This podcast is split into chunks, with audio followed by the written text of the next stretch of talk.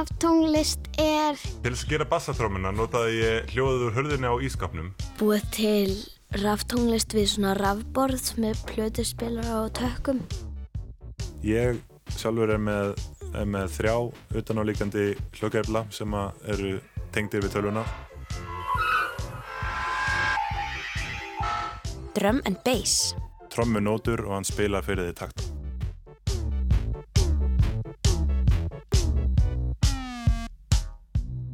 Komið sæl og verið velkomin í útvarp Krakkarúf. Ég heiti Ingi Björg og í dag ætlum við að fjalla um Raftónlist.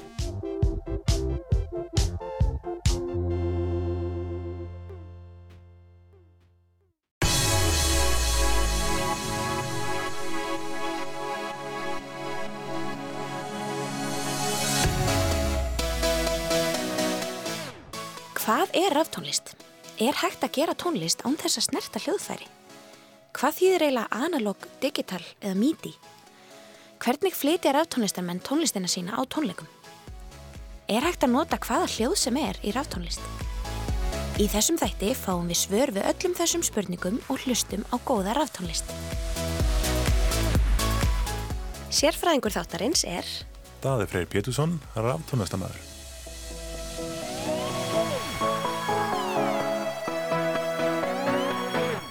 Hvað er raftónlist? Raftónlist er gert úr tölvu. Raftónlist er það sem er notað DJ og alls svona þannig. Raftónlist er tekinu upp og spætt í. Raftónlist er það sem maður býr til tónlistina nokkurt veginn í tölvu. Raftónlist er einu svona fullt af hljómfærum blöndum saman í tölvu. Raftónlist er svona sem DJ notar. Þannig að raftónlist er sampla. Raftónlist maður byrjar svona lagi kannski og setja annar, annar lag og setja það saman með einu. Oh, sometimes I get a good feeling. Yeah. Get a feeling that I never, never, never, never had before. No, no, I get a good feeling. Yeah. Eh, Raftónlist getur verið uh, mjög mismunandi. Það er, eru til rosa margar undir tegundir raftónlistar en ég myndi segja að það sem að einkennir raftónlist er að það vantar live hljóðfæri sem sagt. Það er ekki trommusett, gítar, bassi og svoleiðis heldur eru trommu heilar og hljóðgerflar og, og svoleiðis. Fyrsta raftónlistin kom fram snemma á 20. stöld þegar við mennirnir fórum að nýta rafmagn í alls konar leik og störf. Þegar mikrofónar og hljóðupptökutæki komist í nótkun gáttu tónlistamenn farið að leika sér með það þegar þeir voru að semja ný verk. Tónlist og hljóð voru tekin upp á segulbönd sem voru svo klift og límt saman á alls konar vegu og svo var hægt að hraða eða hæja á spiluninni. Síðar fór fólk að forrita tölvurnar eða rafhljóðfærin þannig að þau getu hermt eftir alvöru hljóðfærum og þá urðu til fyrstu hljóðgerflarnir eða synthesizerarnir sem gera gerfi hljóð. In another field, music can now be produced entirely by electronics.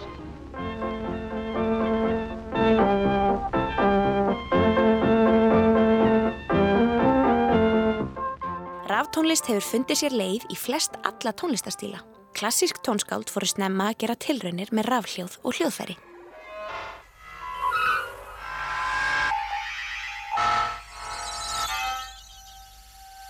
Hljóðgerðlar og hljómborð fór svo að vera áberandi í pop og rock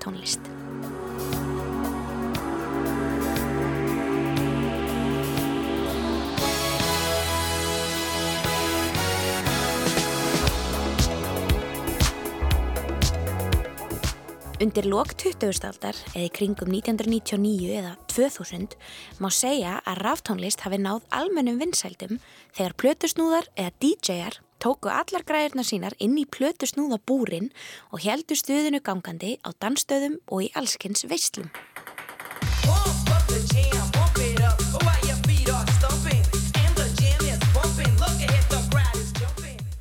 Á sama tíma fór fólk að eignast sínar eigin tölfur og notaði internetið miklu meira. Þá gat hver sem er gert það ráftónlist heima hjá sér og í dag eru enda lausir möguleikar í að búa til og njóta ráftónlistar. Ég er aftónlistamæður því að þá get ég gert allt bara einn sjálfur heima hjá mér. Ég hérna, byrjaði því að spila á trommur og fór síðan að spila á piano, síðan að ég að bassa og svo kendi ég mér aðeins á gítar. En svo byrjaði ég 2011 eða 12 að búa til ráftónlist svona almennilega og, og mér fannst það bara skemmtilegast. Þá gæti ég búið til svona, svona heilan, svona eh, fullan hljóðheimi einhvern veginn bara einn, bara með sjálfum mér og, og gætt gert einhvern veginn heilt lag.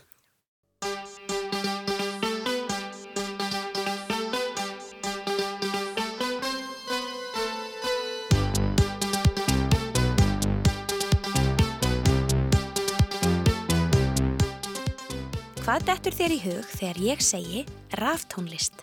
Hljómborð, talva, takkar, blöndu music, e, svona DJ-ar, plötuspilari, rafborð sem er plötum sem maður nuttar í og nota hljóðið. Hvað er það fyrsta sem maður gerir þegar maður byrjar að semja raftónlist?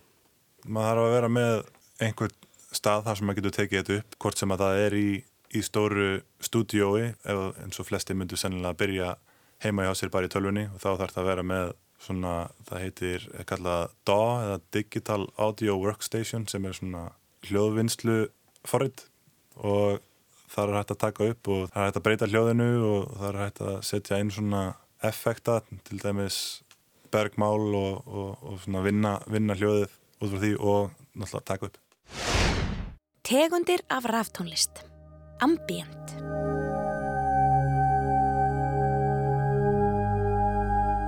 Tilraunakend raftónlist.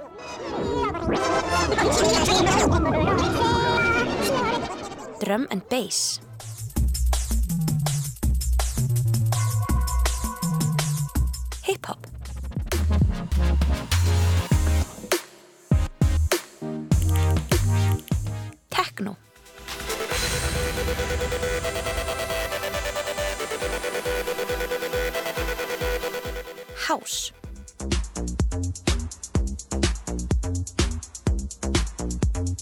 Hvað eru svona mikilvægastu græðunar sem að maður notar í raftónlist?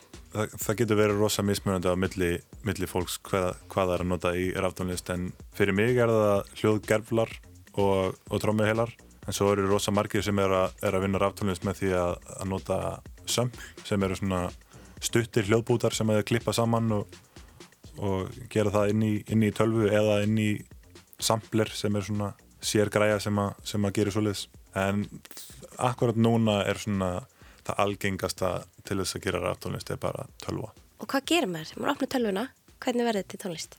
Ég persónulega, þegar ég byrja þá yfirleitt set ég saman trommutakt inn í tölvunni sem eru þá sömpl eða hljóðfælar af, af trommusettum eða trommuheilum sem, að, sem ég set saman í takt og síðan nota ég svona utan á líkjandi hljóðgerfla sem að ég stjórnum með MIDI sem er svona, þá get ég látið tölvuna spila í rauninni á hljóðfærin og ég get þá fekk það í tökunum á meðan og, og, og búið til hljóðin sem er langar að, að verði í læginu.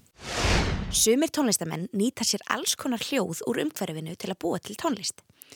Með nútíma upptökutækni og tæknifóritum er hægt að taka hvaða hljóð sem er, breyta því og nota það í tónsmíðar. Daði Freyr síndi okkur þetta í vefþáttunum sem hann og Árni gerði út í Kambodíu og voru síndir hérna rúf.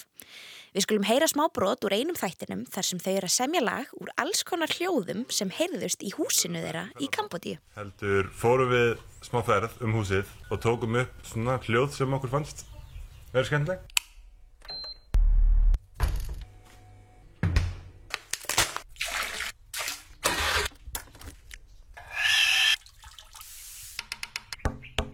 En það fyrsta sem ég gerði til þess að gera þetta lag var að koma bassatrómu í gang. Til þess að gera bassatrómuna notaði ég hljóðið úr hurðinni á ískapnum og ég stytti það, hækkaði í lágutíðinunum og lækkaði í þeim háu. Síðan tók ég hljóð úr hurðinni á fataskapnum, samanhljóma það svona. Síðan fann ég rosa fínt hljóð í endan á því þegar ég var að kremja flösku úr fristinum. Það hljómaði hérna bara strax eins og sneritt svo að það þurfti bóða lítið að gera við þetta.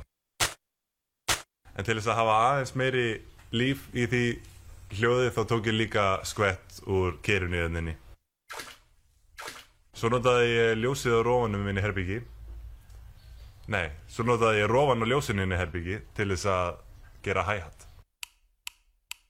Saman hljóma það svona. Og svona er lagið.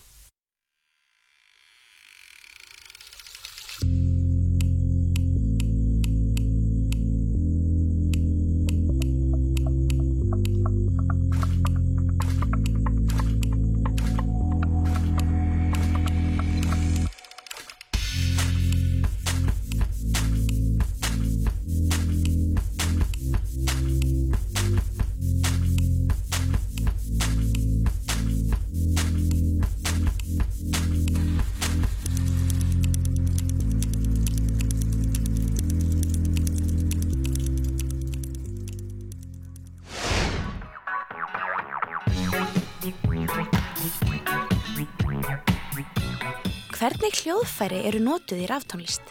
Ég heyri oft svona eins og píanó og eitthvað neitt. Um, ég segi bara svona talfur sem eru bara svona, eða hljóðfæri sem er halvbært bara talva.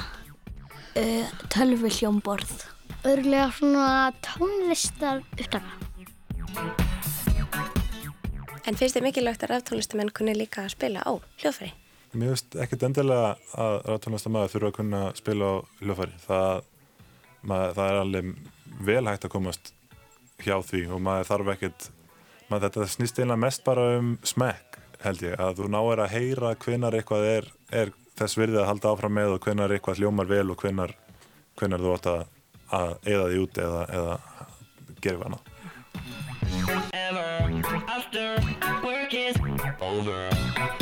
Þegar við kynntumst þér fyrst, þá varst á sviðinu í Eurovision og það sveif svona úr loftin eitthvað hljóðfæri í. Já. Hvaða hljóðfæri er þetta?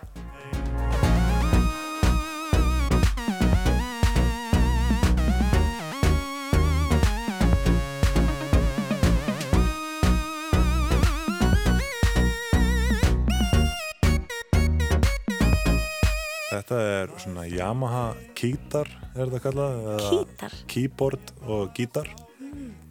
Það er hægt að senda MIDI út úr þessum svo ég get notað hann til þess að spila á aðra hljóðgæfla en annars er þetta svona, svona mjög einfaldur bara svona einlega krakka hljóðfæri. Ef þú notar hljóðum sem eru inn í honum þá er þetta bara eins og að spila á gammalt Casio hljómborð eða eitthvað svo leiðis.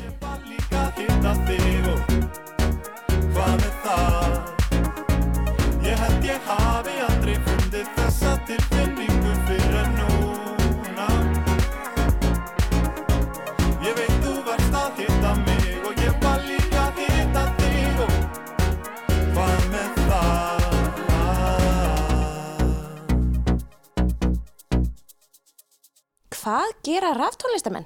Þeir sitja oft við svona borðar að spila svona á svona halvbærtin plötur. Það getur líka verið strákar á 15 ára aldri. Búið til raftónlist við svona rafborð með plötuspila og tökum. Spila mm, við rappara sér einn eða rappara. Syngja við tónlistina sem þið búa til. Orðabók raftónlistarmannsins. Analóg. Analóg er í rauninni bara allt sem er ekki digital svo að allt sem að er svona raunveruleg hljóðfæri sem að eru ekki með tölvu sem að stjórna uh, hljóðinu. Digital.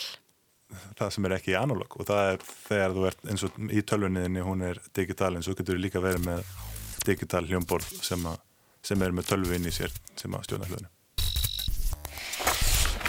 Hljóðgerfill eða synthesizer. hljómborð oft með svona hljómborðstökkum eða með einhver hljómborði sem að getur gefið frá sér hljóð og maður getur stjórnaði á rosa margvíslegan hátt. MIDI. MIDI eru skilabóðin sem að þú sendir frá tölvu eða frá sequencer og yfir í hljóðgerfla til þess að láta tölvuna spila á þá í staðan fyrir að þú spilir á þá með höndunniðinu. Trommu heili. trommuheili er tækist að þar sem þú getur annarkvort spilað eða teiknað inn trommunótur og hann spilar fyrir því takta. Bara skiptir ekki máli fyrir mig að þetta hér sé ekki standardinn sama þó ég sé ekki inn því ég finn bara ekki neina löngun til þess Alla ekki að vera á sama stað en okkur með sama hvað þið finnst um það og ég verð að upplifa við þið lífin ekki en aðra Hvernig flytur ráftónlistamæður tónlistina sína í svona lifandi flutningi? Það er, það er náttúrulega eins og svo margt inn í raftónlistinni mjög mismunandi á milli fólks hvernig, hvernig það er. Ég sjálfur er með, er með þrjá utanálíkandi hljókæfla sem að eru tengdir við tölvuna svo að tölvan er að spila á þá í rauninni og ég get þá fyrta með alla takkana eins og mér sýnist og, og breytt, breytt ljóðunum bara eins mikið og, og hljókæflin lefir og svo syng ég og, það, og er með trommur sem að koma úr tölvunni. En svo er líka eins og einn uppáhald hljómsveitin mín sem heitir Hot Chip þá er þið bara með trommuleikara sem að spilar á trommusett og gítarleikara sem spilar á gítar og síðan eru þeir þrýri eða fjórir sem eru bara að spila á hljóðkærfla Frægir af tónlistarmenn og hljómsveitir. Hot Chip.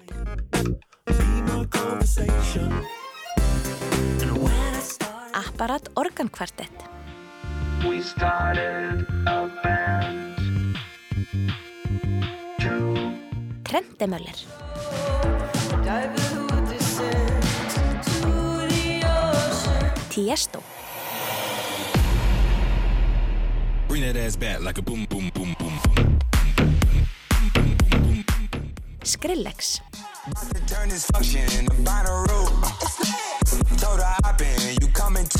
The 305.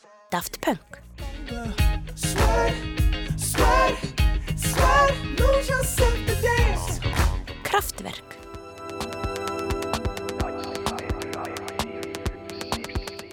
Peggy Goo. Nina Kravitz. Gus Gus.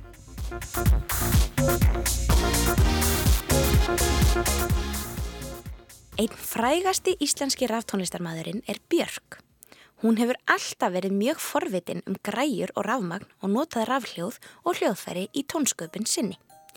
Árið 2011 gaf hún út plötu sem heitir Biophilia sem hún samtið að hluta til á iPad.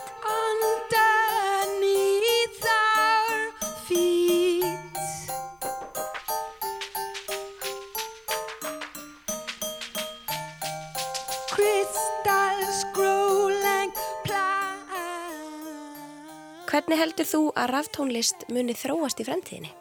Ég hugsa að raftónlist muni þróast svolítið út í það að vera eins og, eins og flest held ég bara í, í lífi okkar fari yfir í svona síndar veruleika svo að maður er ekki bara að, að hlusta á lægið og að það er ekki allir sem að heyra sömu útgáfuna af læginu heldur setur maður á sig svona syndaveruleika gleru og, og, og headphones og svona getur, getur leikið sér sjálfur með lægið einhvern veginn inn í svona já, syndurveruleika heimi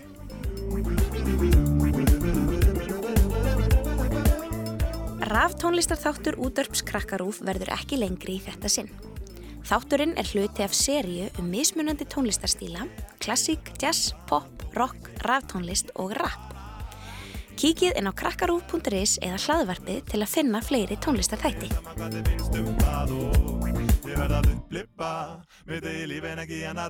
Hvað við skulum enda í dag með að fá nokkur góð heilræði frá sérfræðingi þáttarins, honum Daða Frey Pétursinni, raf tónlistarmanni.